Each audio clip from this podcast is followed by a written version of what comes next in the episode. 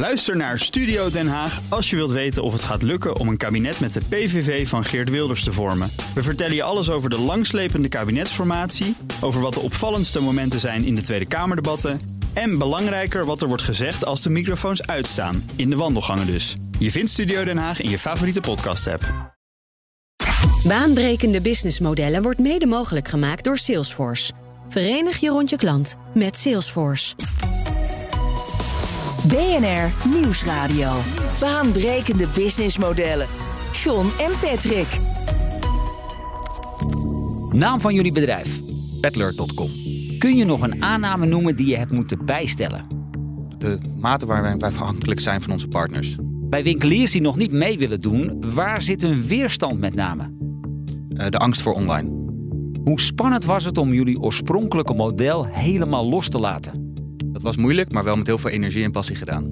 En beste Stijn, welk probleem lossen jullie eigenlijk op? Wij bieden de oplossing om alles wat een consument zoekt te koppelen met het dichtstbijzijnde product. En zo één, de consument de kans te bieden om altijd en overal online bij lokale winkels te kopen. En twee, lossen we ook een stadslogistiek probleem op door die goederenstromen te bundelen en efficiënter gebruik te maken van winkelvoorraden.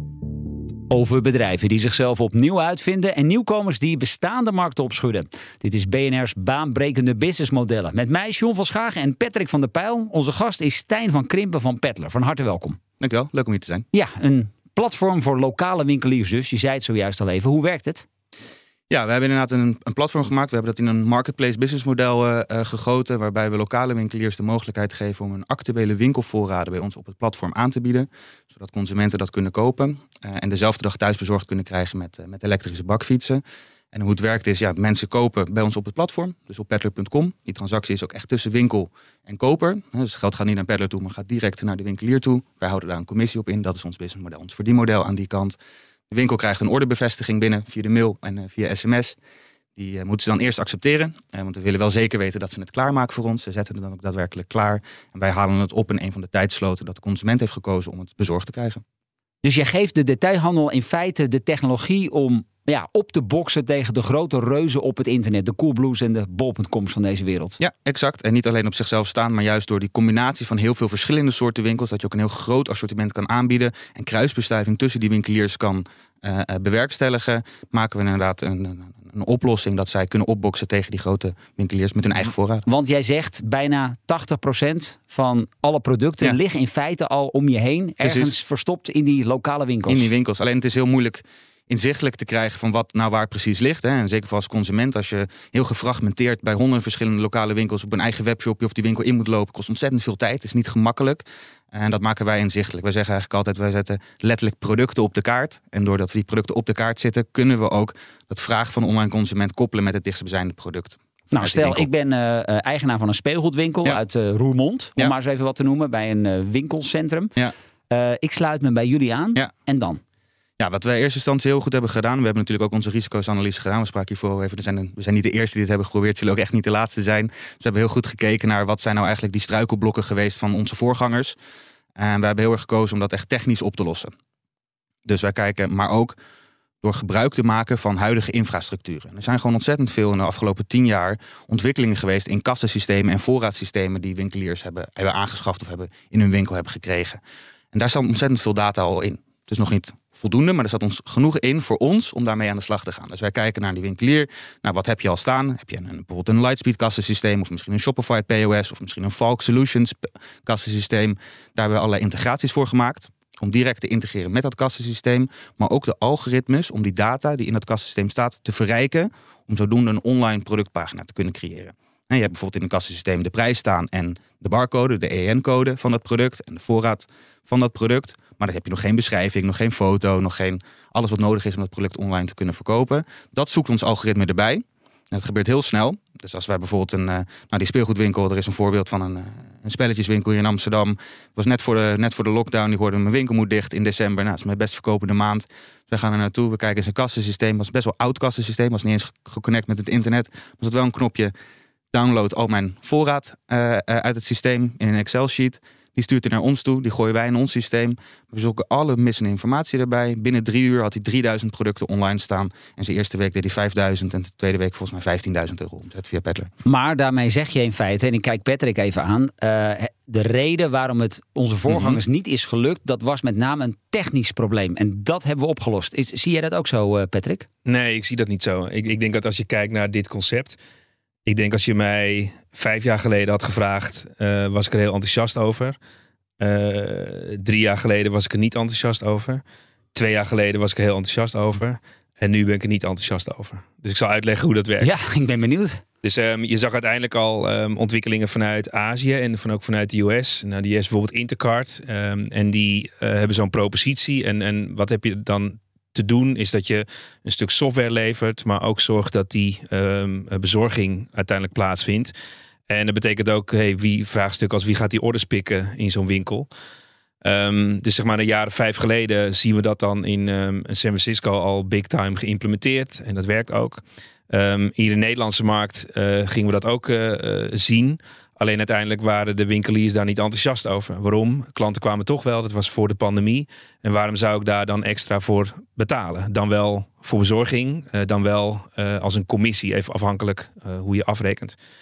Uiteindelijk in de hele pandemie is een enorme omslag gekomen. Het businessmodel is op slot gegaan, want de deur ging dicht.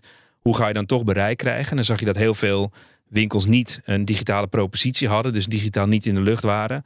Nou, krijg het dan maar eens uh, georganiseerd uh, en krijg het dan nog maar eens verkocht. En dat bedoel ik mee uh, je assortiment. Ja, nou via Peddler, ik hoor net het voorbeeld van die speelgoedwinkel in ja. Amsterdam, kon dat dus blijkbaar heel snel. Ja, ja en uiteindelijk hebben we ook wel partijen gevolgd, omdat wij daar met een, vanuit een aantal partijen ook mee bezig zijn. Dan wel de retailer zelf, dan wel softwareoplossingen. Ja, daar zag je uiteindelijk dat het uh, moeilijk was om grotere partijen aan te sluiten. Dus uh, we zaten met grote winkelcentra. Nou, dan heb je een winkeliersvereniging. Nou, gaat die meedoen, gaat die meedoen. Uh, hey, wat voor consequenties heeft dat dan? Ga ik, ga ik de stappen zetten? dus dat bleek wel dat de bereidheid om daar iets meer voor te betalen was er wel. nou, en nu zijn we weer in een unlock-periode. En um, zie je dat eigenlijk weer de business is naar vandaag de dag. En um, zie ik die bereidheid ook veel minder. Dus maar ziet... het is wel interessant wat jij zegt. Want je hebt dus in feite binnen een bepaald gebied, een lokaal gebied, meerdere winkels nodig om dit businessmodel te laten slagen. Ja, klopt. Um, dat is één. Dus uiteindelijk weten we in de, in de financiën van hoe dicht hij op die winkel zit, um, uh, hoe dicht hij op de consument zit hoe je makkelijk het kunt gaan rondrekenen met het aantal shippings die je dan uh, qua vervoeren doet. Nou, daarom ook al die dark stores. Want als je niet zo'n dark store hebt, kun je daar niet het optimum uh, realiseren. Alleen ik denk wat belangrijk is om naar dit vraagstuk te kijken. En dan ben ik ook met Stijn benieuwd naar. Kijk, als je naar zo'n businessmodel kijkt, heb je daar drie verschillende onderdelen die je moet testen. Dus het is een soort technische haalbaarheid. Dus hey, er is een technische oplossing en een ondernemer die gaat eigenlijk gewoon versneld digitaliseren. Oké, check. Dan heb je een ander punt. Hey, kan het ook financieel uit? Dus is het voor die ondernemer financieel interessant of geeft hij zijn marge weg? Is het voor Peddler interessant, uh, zodat je een logistieke functie kunt blijven uitoefenen? Maar aan de andere kant is een consument dan bereid te betalen. Uh, en ook een bereid om een bestelling te doen. Dus voorbeeld, hoe vaak komt het voor dat iemand bij zijn lokale toko de boodschappen doet versus een Albert Heijn of een picknick die die laat bezorgen. En daar heb je dan ook een enorm groot concurrentieveld. Omdat je zag dat in het begin was het uh, een walhalla van grote partijen die heel veel geld investeerden. Nu zie je dat ze komen daarop terug. Een Deliveroo, uh, die is al in Nederland eruit. Uh, en daarnaast doet een Albert Heijn en een Jumbo ook zijn dienstverlening. Dus ja, ja wel heel interessant, hè? want steeds een andere context en toch. Maar wel moeilijk, ja. Ja, ja ik zie jou. Nee, ja, hier moet jij. Je ik wil hierop inhaken. Ja, natuurlijk. absoluut. Nee, ik, ik ben het helemaal met je eens. Er zijn een aantal componenten die heel erg belangrijk zijn om te rondrekenen. Dat is niet alleen dat, dat technische deel, hè. het logistieke deel is er heel erg, ja. heel erg belangrijk in. En daar hebben wij ook wat slims op bedacht om dat juist voller te maken. Logistiek wil je zoveel mogelijk dropdichtheid eigenlijk hebben om dat echt te kunnen rondrekenen. Um, je eerste voorbeeld van Instacart inderdaad in Amerika. Die um, hebben toch al een iets ander model. Um, wel ook dat die winkels online komen te staan, maar daar heb je de, hun runners of nee, hun riders die ook de picking en packing doen. Picking en packing, ja. Die gaan de winkel in, gaan pikken en packen. Dat kost ontzettend veel tijd. Het is ontzettend duur voordat ze eenmaal weer terug zijn met een tas vol met boodschappen. Ja, voor sommige winkels hebben ze zelfs in de telefoon layouts waar je die spullen uit het schap moet gaan halen. Ja, want anders ben je alleen maar rondrennen in de Walmart of waar ze ook mee samenwerkt om dat, uh, om dat te vinden. Dat en dan gaan ze anders georganiseerd. Dat hebben wij anders gedaan. Bij ons doen de winkels dat zelf. Hè, dus wij, onze rider komt bij de winkel aan, dan staat het al daadwerkelijk klaar. Vaak hebben winkels een eigen shelf ingericht waar het klaar staat. De rider kijkt op zijn telefoon of in onze app welke orde ze moeten pakken. Die halen ze eraf en ze gaan weg. Dus een minimale tijd in de winkel. Ten tweede draaide, eh, draait Instacart, maar ook een Deliveroo bijvoorbeeld, echt point-to-point logistiek. Dus dat gaat van de winkel naar de bezorging, terug naar een winkel, weer een bezorging. Daar wordt misschien één keer iets gestekt, omdat het op de route meekomt. Maar daarna gaat hij toch weer terug. Die zijn continu op en neer aan het rijden. De flitsbezorgers doen precies hetzelfde eh, ja. natuurlijk. Wij bundelen daar veel meer bezorgingen. Dus we doen niet bezorg binnen een uur of bezorg binnen 10 minuten. Maar we hebben vier tijdsloten door de dag heen van twee uur elk. In waar die bezorgingen worden gedaan. En onze couriers gaan eigenlijk ja, een soort van achtjes door die stad heen. Waar ze eerst een ophaalronde doen bij alle winkeliers. En dan een bezorgronde. Dus bijvoorbeeld eh, alles wat vanuit Amsterdam-West naar Amsterdam-Oost toe moet. Wordt in West opgehaald. Gaat in de bakfiets. In Amsterdam-Oost bezorgd. En dan in het volgende tijdslot dat van Oost weer naar West moet. Wordt opgehaald in Oost en wordt dan weer in Amsterdam-West bezorgd. Eh, zodat we iets efficiënter kunnen zijn in hoe we die bezorgingen doen en die pick-ups doen. Ehm, en dan ten tweede hebben wij in ons businessmodel eigenlijk een duaal businessmodel gebouwd. Omdat dit precies een van de struikelblokken was voor heel veel. Hoe kan je het logistiek financieel rondkrijgen? En we hebben eigenlijk ons logistieke netwerk opengezet voor derden. Een beetje la Amazon FBA eh, eh, bijvoorbeeld. Waarbij winkeliers die gewoon eh, via hun eigen webshop ook iets hebben verkocht... wat in Amsterdam of in Utrecht of in Den Haag of in Rotterdam bezorgd moet worden... ook die bezorging bij ons kunnen inboeken. Ook weer gelijk vanaf hun kassensysteem of direct vanuit hun webshop. En die bezorgingen doen wij ook.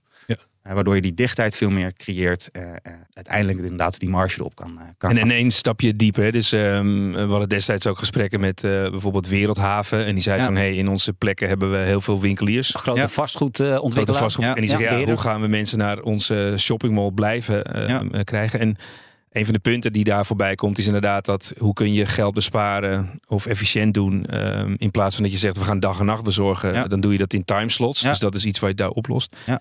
Maar wat je nu ook ziet, dat er weinig personeel is. Ehm, dus dan is het heel moeilijk om tegen iemand bij de ethos bijvoorbeeld te zeggen... Ja. ga eens even een orde pikken voor Stijn. Ja. Ehm, want het gaat het boodschappenmandje eh, zijn. Ja. Ehm, plus dat je daarna ook een reclamecampagne moet gaan voeren. Hey, je kunt bij ons ook eh, digitaal gaan. Dus eh, hoe- zie je dat je dat stuk hebt opgelost in het zorgen dat die ondernemer zelf zijn personeel gaat aansturen om orders te pikken? Ja, dat is één, makkelijk maken en twee, gewoon waarde blijven leveren. Als het inderdaad, hè, ehm, één, makkelijk maken door inderdaad ook voor de ondernemer een goede app te hebben waarin gewoon een picking en packing lijst in zit. Ook niet te zorgen dat ze dat inderdaad binnen 10 minuten gedaan moeten hebben. Maar zij geven aan wanneer het klaar staat. Als dat niet binnen het tijdslot is, dan kon- krijgen ze wel een belletje of een reminder van ons. Van hey, we moeten het wel zo meteen komen ophalen. Want anders kunnen we het niet op tijd, eh, op tijd bezorgen. En maar ze hoeven niet hals over kop de winkel uit te springen om van alles te gaan verzamelen. Daar hebben ze even iets van de tijd voor. Dus het is iets rustiger voor hun. Makkelijk te maken. En twee ook, ehm, die drempel gewoon zo laag mogelijk te houden om voor hun mee te doen. Hè. Zij betalen alleen wat ze hebben verkocht. Dus dan hebben we waarde geleverd. Geen abonnementmodel waarin ze gewoon maandelijks iets moeten afdragen. En ze weten eigenlijk niet of er nou wel of geen orde binnenkomt. Maar ze hebben wel die kosten. Eh, en die commissie inderdaad zo in te steken met hun. Dat is gewoon heel veel gesprekken voeren. En elke branche heeft weer een ander soort eh, marge natuurlijk. Dus die commissies variëren ook een beetje per branche. Speelgoed is weer net, kleding is weer net anders dan, dan levensmiddelen. En maar te zorgen dat je altijd daar echt on par bent. Dat zij inderdaad wel die orders willen blijven binnenkrijgen. En die tijd kunnen besteden. Om in, in- En John, we hebben natuurlijk ook gezien bij eh, Pieter Pot, hè, dat uiteindelijk Mm. de test die zij hadden uitgevoerd, dat het flitsbezorging op zich niet het grootste probleem is. Het gaat meer dat het bezorgd wordt, dus uiteindelijk heel snel te Ja. kunnen leveren. Ja. Blijkt minder goed gevalideerd. eh. Het is echt niet het allerbelangrijkste. Wij zien, want mensen kunnen bij ons die tijdsloten kiezen. Het gaat meer om dat ze het bezorgd krijgen wanneer zij het willen. Ja. Eh, en dat hoeft echt niet altijd binnen 10 minuten. Want dat is niet het meest makkelijke dat je binnen 10 minuten hebt. Als jij bijvoorbeeld eh, op je werk zit en je weet... oef, die meeting vanavond gaat uitlopen. Dus ik heb geen tijd meer om boodschappen te doen. Maar ik heb nu wel even 10 minuten om eh, een bestelling te plaatsen. En tussen 6 en 8 laat ik het bezorgen door Peddler. Ja. Wat kun je zeggen over de gemiddelde orderwaarde? Want dat is natuurlijk ook een belangrijke schakel om dit model rond te krijgen. 100%. Ja, 100%. De gemiddelde orderwaarde ligt relatief hoog bij ons. Eh, dat komt ook omdat je verschillende... Relatief hoog is. Ja, zo rond de 40 euro. Oké. 40, 45 euro. Aanzienlijk hoger dan de meeste flitsbezorgers. Ja, klopt. En dat zie je ook. hè. Bij flitsbezorgers worden toch echt meer ja, ingezet voor, voor impulsaankopen. Want het is 15, 16, Ja, 16 16 euro. lager. Ja, Lager nog ABN. AMRO had laatst een onderzoek. Volgens mij zat het tussen de 15 en de 16. Maar Ja, ik heb ook onderzoek gezien tussen de 11 en 12. Ja. precies. Ja. Ja, daar kan je echt niet voor fietsen. In ieder geval laag. En een darkstore ook nog eens opereren. Wat duur is natuurlijk. En we hebben geen voorraad. Eh, Ja. We hebben 500.000 producten op het platform staan. Maar geen enkel artikel op voorraad. En we hebben geen darkstores, geen real estate. Want we maken gebruik van die winkels in ons netwerk natuurlijk. Om dat, eh, om dat Echte te kunnen doen. Airbnb op de pedal. Yes. BNR Nieuwsradio. Baanbrekende businessmodellen. Met deze keer het businessmodel van Peddler. Zometeen praten we verder, onder meer over hun verdienmodel. Maar eerst, Patrick, ehm, het testen van een nieuw product in de uitzending. Dat werd eh, de vorige keer erg goed ontvangen. Dus we gaan daar vrolijk mee door. Ehm, wat hebben we deze keer? Ja, we kennen natuurlijk al de vleesvervangers. We kennen ook ehm, melk zonder zuivel, de oat-producten. maar nu kennen we ook de koffie zonder koffieboon. En dit concept komt vanuit een nieuw Nederlands bedrijf. Dat heet Northern Wonder. Uh, coffee free coffee noemen ze het zelf. Um, en waarom dat nodig is, dat legt een van de oprichters eventjes uit. Gewone koffie, zoals uh, veel mensen elke dag drinken, is in steeds sterkere mate een veroorzaker van ontbossing. En wij hebben een product ontwikkeld wat smaakt als koffie, te zetten is als koffie, cafeïne heeft zoals koffie. Je zou het goed koffie kunnen noemen. Alleen het is gemaakt van uh, lokale, niet-tropische grondstoffen. Ja, daar moeten we misschien nog even een beetje tekst en uitleg bij geven. In India en China zetten ze steeds vaker uh, zo'n bakkie pleur. En de koffieplant groeit alleen in gebied waar de laatste regenwoud staat. Nou, dat probleem willen zij dus oplossen. Uh, en ik heb het ook even mogen proeven. Nou, hij zegt het smaakt als koffie, zo ver wil ik nog niet gaan. Want er moet echt nog wel iets aan de smaak gebeuren. Je merkt dat verschil nog duidelijk. Uh, aan de andere kant kunnen we zeggen, de eerste vleesvervangers waren ook niet van het niveau van wat ze nu zijn. Dus hoe, hoe kijk jij naar die ontwikkeling? Nou, dat is wel interessant, want dat ging bij die vleesvervangers heel erg over enerzijds smaak en, stru en structuur. structuur. Textuur, hè? Ja. ja, en dat zie je natuurlijk bij koffie weer iets anders. Alleen ik denk ook wel de vraag ja, welk probleem uh, los je hierop? Ik merk ook wel dat als ik een um, cappuccino bestel en ik vraag decaf, dan proef ik dat niet altijd even goed. Dus uh, destijds zei Kees Kruithof ook van uh, destijds Live Kindly. Hij zegt, je moet echt zorgen dat die smaak zo dicht bij uh, het alternatief ligt. Dan heb je die discussie veel minder. Dus dan hebben ze nog wel een stapje te gaan. Denk je dat hij ook iets kan leren van Jaap Korteweg bijvoorbeeld? Die met de vegetarische slager al een soort gelijk traject heeft doorlopen. Eigenlijk is dat een hele interessante vraag. Want um, dat betekent dat je dat product niet moet positioneren als een niche product. Maar dat je eigenlijk gewoon naar de grote koffiehandelaren moet gaan en zeggen: luister eens, je hebt een alternatief. En dat uh, heeft een andere naam. Uh, dus eigenlijk aansluiten bij uh, een grote club. Maar goed, dan krijg je ook de vraag bij die club: gaan we cannibaliseren op onze eigen koffiebonen? Ja, dat is interessant inderdaad. Het is nu nog overigens verkrijgbaar alleen via de webshop, nog niet via de retail. En het zit qua prijs ook een beetje aan de bovenkant van de markt. maar dat gaat wel veranderen, zegt deze David Klingen van Northern Wonder. Wij zijn natuurlijk klein, we hebben, we hebben nog geen schaal. Het kan best zo zijn dat we de komende jaren uh, flink naar beneden kunnen gaan in prijs uh, door schaal. Want de grondstoffen die we gebruiken, die zijn wel in theorie in elk geval uh, veel makkelijker te krijgen dan dat de traditionele koffie dat is. Nou, laten we ze heel veel succes wensen met ook het volgende product. Want ze zijn ongetwijfeld nog niet klaar met ontwikkelen. Northern Wonder dus, een alternatief voor de koffieboon. Stijn van Krimpen is van Peddler, dat lokaal shoppen naar het internet brengt. Um, Stijn, afrekenen doen jullie klanten rechtstreeks met de winkelier. Ja, klopt. Waarom wil je daar niet tussen zitten? Um, nou, één, omdat dat, dan zou je echt als, als, als bank moeten gaan optreden. Dus het is gewoon ook gewoon wat wetgeving achter en vergunningen die, daar, uh, die je daarvoor nodig hebt. Op een gegeven moment, op een bepaalde schaal wil je dat wel. Dus we zijn er ook echt wel naar aan het kijken om dat uh, uiteindelijk zelf te gaan, uh, gaan doen. Maar om gewoon snel te schalen en makkelijk um, uh, door te pakken, hebben wij voor gekozen om met een PSP in zee te gaan. Um, waarvan wij wisten dat heel veel lokale winkeliers ook al aangesloten waren bij de PSP. Dus dan heb je binnen vijf, vijf minuten zijn ze gekoppeld. En is dat bijvoorbeeld een Molly?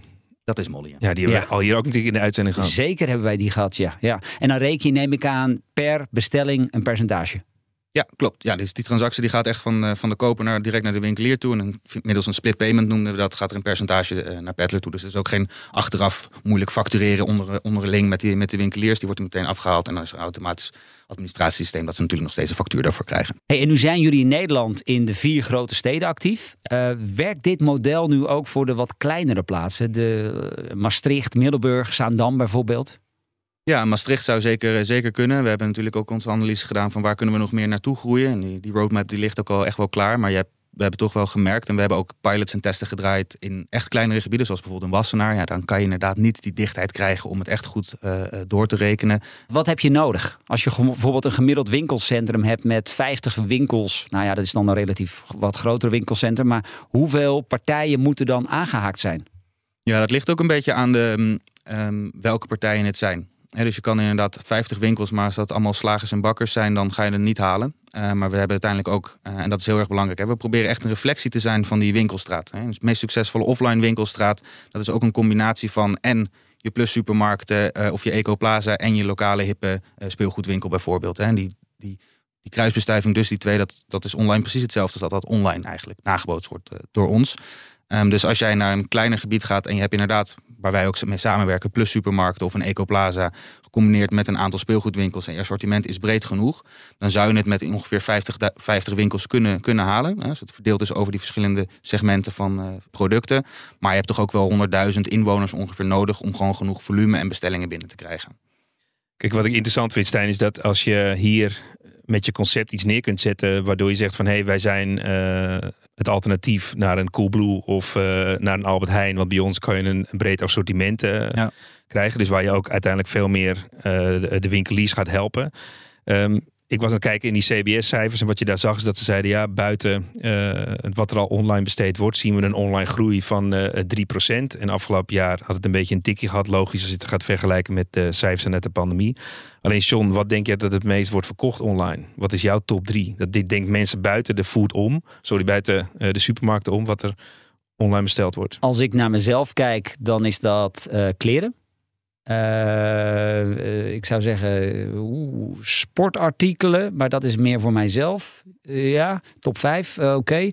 En dan als derde zou het eh, producten in en rondom het huis. Maar dat is wel redelijk breed. Je ziet dat ehm, de top 3, nummer 1 is kleding en schoenen. Ja. Eh, twee is dus die maaltijden, dus niet naar de supermarkt, Oh ja. maar, de, maar maaltijden is natuurlijk logisch. En daarnaast eh, meubels, woonaccessoires, dan cosmetica en parfum. En op vijf staan eh, sportartikelen en Stijn op zes gedrukte boeken. Ja.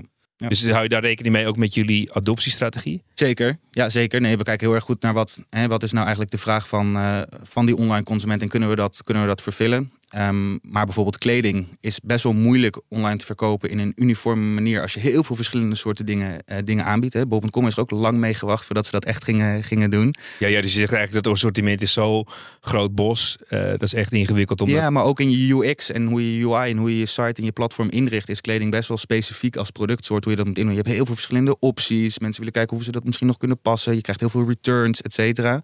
Ehm, maar wij verschepen, wij bezorgen wel heel veel kleding. Omdat natuurlijk heel veel online wordt besteld eh, bij heel veel andere spelers. En dat komt uiteindelijk alsnog bij ons in de bakfiets, omdat we die bezorgingen doen. Nu gaf je net al aan dat de drempel om mee te doen zo laag mogelijk moet zijn. Met name voor die winkeliers. Eh, er moet voor hen ook echt een duidelijke toegevoegde waarde zitten. Eh, als het bij één bestelling per week blijft, dan is het vooral gedoe. Ehm, aan de ene kant wel, aan de andere kant valt het eigenlijk best wel mee. We hebben gewoon best wel veel winkels. We hebben een hele lage churn op de, op de winkels zitten, omdat het ze ook niks kost als er niet zoveel gebeurt. Dus als ze die bestelling per week krijgen, ja, dan hebben ze toch wat extra omgezet. Ze hebben toch een klant binnengekregen die ze in eerste instantie niet binnen zouden krijgen. Dus het op het platform blijven is eigenlijk niet zoveel gedoe. Het enige wat ze moeten doen, het inpakken in een tas. Het is een, hetzelfde als dat die mensen eh, de winkel binnen waren gelopen. Wij komen het ophalen en ze hebben wat extra omzet gedaan. Ja, en jullie topwinkeliers die verkopen via Peddler hoeveel artikelen per week gemiddeld? Ja, dat gaat tot aan eh, tientallen per dag, eh 40, 50 orders per dag als het echt een goede winkel is. Oké, dus dan wordt het echt wel serieus Dan wordt omzet. het serieus omzet, absoluut. Ja. Ja, wat ik interessant vind is dat je inderdaad wel een aantal problemen hebt opgelost. Hè. Dus eh, destijds zag ik ook dat ehm, eh, sommige partijen ook een aanbrengfee nodig hadden om een ondernemer aan te sluiten. Dat, eh, dat laat je weg. Wat ik ook interessant vind, we hebben destijds een gesprek gehad in onze podcast met Hello Print. Eh, en zij faciliteren drukwerk internationaal. En die hadden een heel duidelijk beeld ook voor een eh, drukkerij van wat moet je in het assortiment hebben, hoeveel procent mag er bij ons liggen en hoe moet je organiseren. Hoe zie jij dat naar de nabije toekomst, naar winkeliers toe? Wat gaat jullie rol zijn als peddler? ja, een soort hybride model eigenlijk. Kijk, we hebben sowieso een adviserende rol. Ehm, we krijgen ook best wel vaak vragen van winkeliers van... hey, kan je mij data met mij delen van wat er nou veel gezocht wordt op jullie platform... bij mijn winkel eh, en in welk stadsdeel bijvoorbeeld? Want ik wil een tweede locatie openen. eh, en is er dan vraag naar mijn producten in dat stadsdeel bijvoorbeeld? Dus je kan daar een adviserende rol geven. Je kan ook een adviserende rol geven in... Wat moeten winkels inkopen? Hè, Wat zijn hardlopers? Wat, wat loopt goed? Hoe kunnen ze dat misschien just in time precies op het juiste moment inkopen? Want we zien dat de vraag enorm stijgt en we zien dat de voorraad laag wordt van koop nu extra in, want anders moeten we zo meteen de knop dichtzetten, want je hebt geen voorraad meer. Bijvoorbeeld. Geef je die informatie of verkoop je die informatie? Die geven we op dit moment, want voor ons is het ook goed als we hè, zorgen dat er altijd genoeg voorraad is van die hardlopers, want wij krijgen gewoon een commissie over elke transactie. Dus Maar zie jij hier ergens een nieuw verdienmodel? Of zeg je van nou, nou... in eerste instantie ben ik niet zo happig om. Ik weet het niet, hè, dat, dat zou kunnen. Waar ik enthousiaster over word, is om te kijken van kunnen we niet die winkels niet alleen aan de voorkant bundelen eh, in een collectief, maar ook aan de achterkant bundelen in een collectief. Dat ze misschien ook gezamenlijk kunnen inkopen, bijvoorbeeld. En dat je ook een rol gaat spelen eigenlijk in die hele supply chain vanuit het inkoopperspectief. Dat je ze daar kan adviseren, kan bundelen en daardoor ook betere marge kan geven. Eh, zodat wij onze commissie ook kunnen blijven behouden. Um, aan het verkoopkant te zorgen dat je ze adviseert om de juiste producten te verkopen, daar een rol te spelen in die transactie. En dan aan het allerlaatste customer touchpoint bij de bezorging ben je er ook nog bij. Ja, het is wat interessant als je nadenkt over het Spotify-model destijds. Dat was eigenlijk um, free drives paid. Dus het gratis model zorgt ervoor dat uiteindelijk klanten naar een betaalmodel gaan. En ik denk dat ook hier slim is om te zeggen, uh, die winkelier die mag er gratis op. We drijven het betaald model en dat betekent het aantal transacties. En hoe, hoe meer we kunnen doen om die transacties op te drijven, oftewel waarde toe te voegen, laten we daar dan de acties op zetten.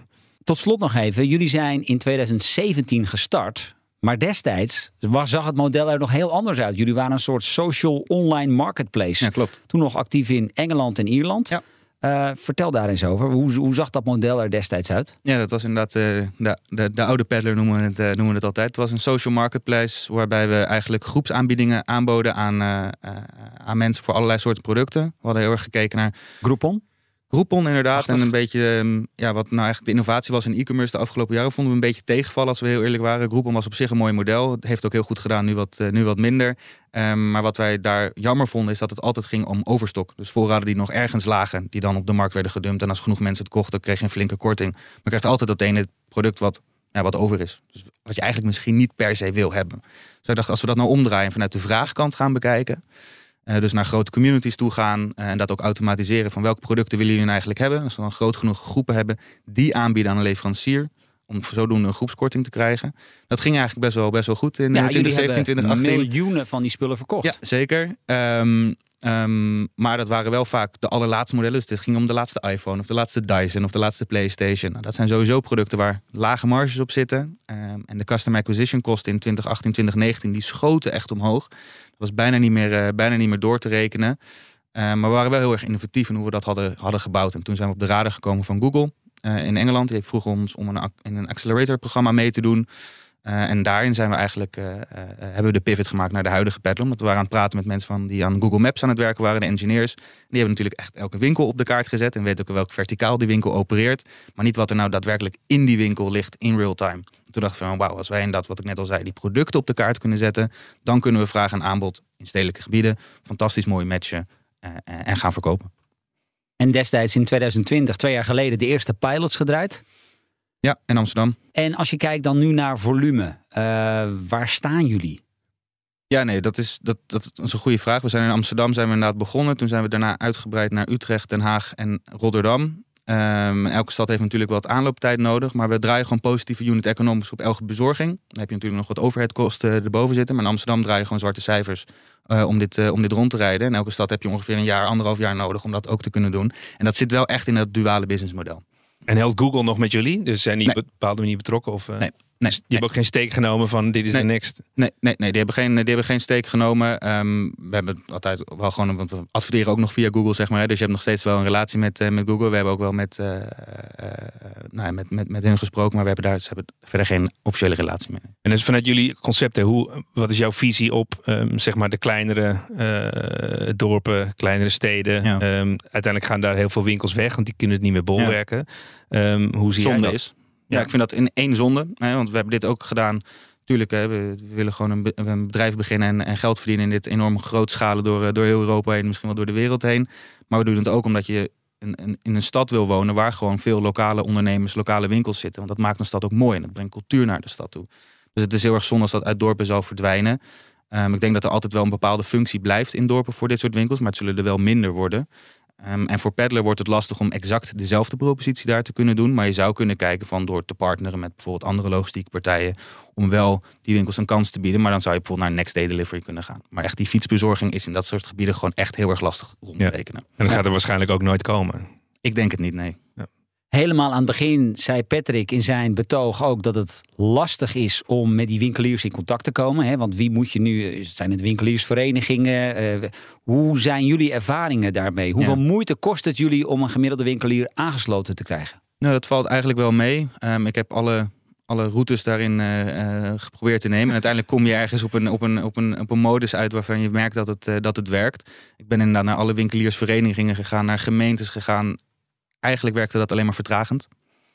Ehm, omdat je, ja, je komt in een soort soep terecht van, van, van vragen en van bureaucratie waar geen beslissingen worden genomen. Ehm, zowel bij de gemeente als bij de verenigingen. Door gewoon op de man af die winkelier in te stappen en gewoon als ondernemer met die ondernemer te praten, hebben ze eigenlijk best wel snel overtuigd. Ook omdat het inderdaad geen werk kost, geen geld kost om mee te kunnen doen. Dus vertrouw ons en we kunnen je laten zien dat het werkt. En als het niet is, heb je er eigenlijk ook niet zoveel investering in hoeven te doen.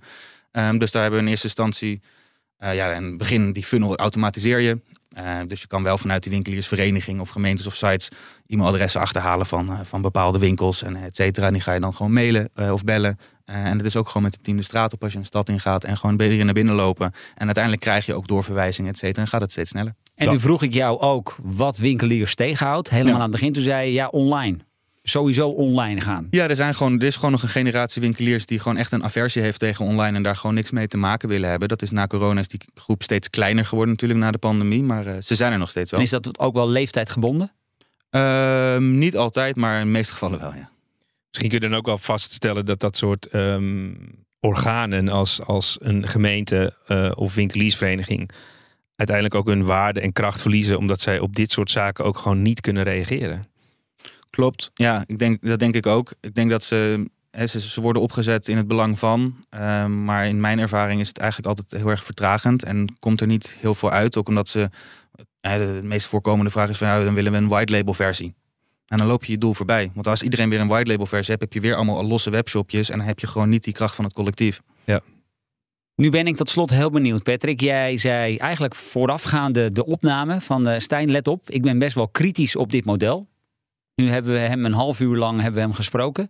Hij vertelt hoe hij technisch wil oplossen, hoe hij het ook met de bezorging doet, hè, dus ook dingen te bundelen.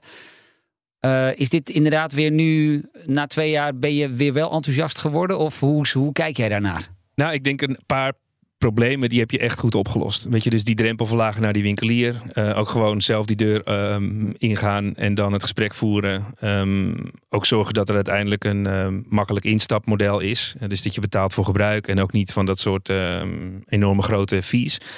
Ik denk nog wel, waar ik me nog kritisch dus de vraag blijf houden, is van hey, uh, als ik bijvoorbeeld kijk naar ons thuis buiten Albert Heijn of een, um, een, een picknick, wat ga je uiteindelijk bestellen? Um, en krijg je dat zeg maar ook um, bijvoorbeeld in een, uh, in een stad misschien wel wat meer? maar hoe krijg je dat uiteindelijk over de bühne gebracht? Of er voor de consument een incentive is, een voldoende incentive om inderdaad via Peddler lokaal te shoppen. In plaats van even snel naar ja, een bol.com. Ja, ja, dus ik denk dat daar, daar is nog wel, die vind ik nog wel moeilijk. Ja. Nee, kan ik me voorstellen. Wat wij heel erg hebben gekeken is inderdaad, hè, dus we hadden het al eerder van, je kijkt heel erg van wat wordt er nou veel online gekocht en waar speel je op in. En wij hebben daar ook een eigen, ja, dat noemen we onze funnel stores. En dan zie je inderdaad een, een plus supermarkt die in alle steden met ons de, de, erop staat met het volledige assortiment. Hè. Dus als je naar een flitsbezorger kijkt, zie je ook misschien 1500 SKU's, 1500 producten die je kan bestellen. Bij ons kan je gewoon 20.000 artikelen direct uit de pluswinkel halen. En dat zie je ook echt, dat, ja, dat zijn funnel stores waar mensen dan in eerste instantie op binnenkomen. En denk van nou, het is toch wel handig, want het is nog sneller bezorgd dan als ik naar plus.nl toe, uh, toe ga bijvoorbeeld.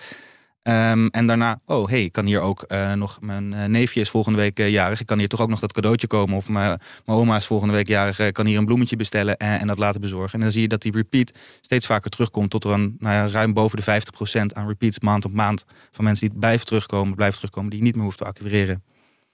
Stijn van Krimpen van Peddler, dankjewel voor je komst naar de studio. Patrick en ik zijn er uiteraard volgende week weer. En wil je voor die tijd al meer luisteren? Check dan zeker ook onze andere afleveringen die je vindt op vrijwel alle bekende podcastkanalen. Tot volgende week. Baanbrekende businessmodellen wordt mede mogelijk gemaakt door Salesforce. Verenig je rond je klant met Salesforce. Stijn van Krimpen was dat van Peddler. Dit was hem voor wat betreft de radio, want op de podcast gaan we nog even door. En dan vraag ik hem onder meer naar de pivot die zijn bedrijf twee jaar geleden maakte. Patrick en ik zijn er volgende week weer met een kerstvers bedrijf, een ander probleem en een fonkelnieuw businessmodel. Tot dan.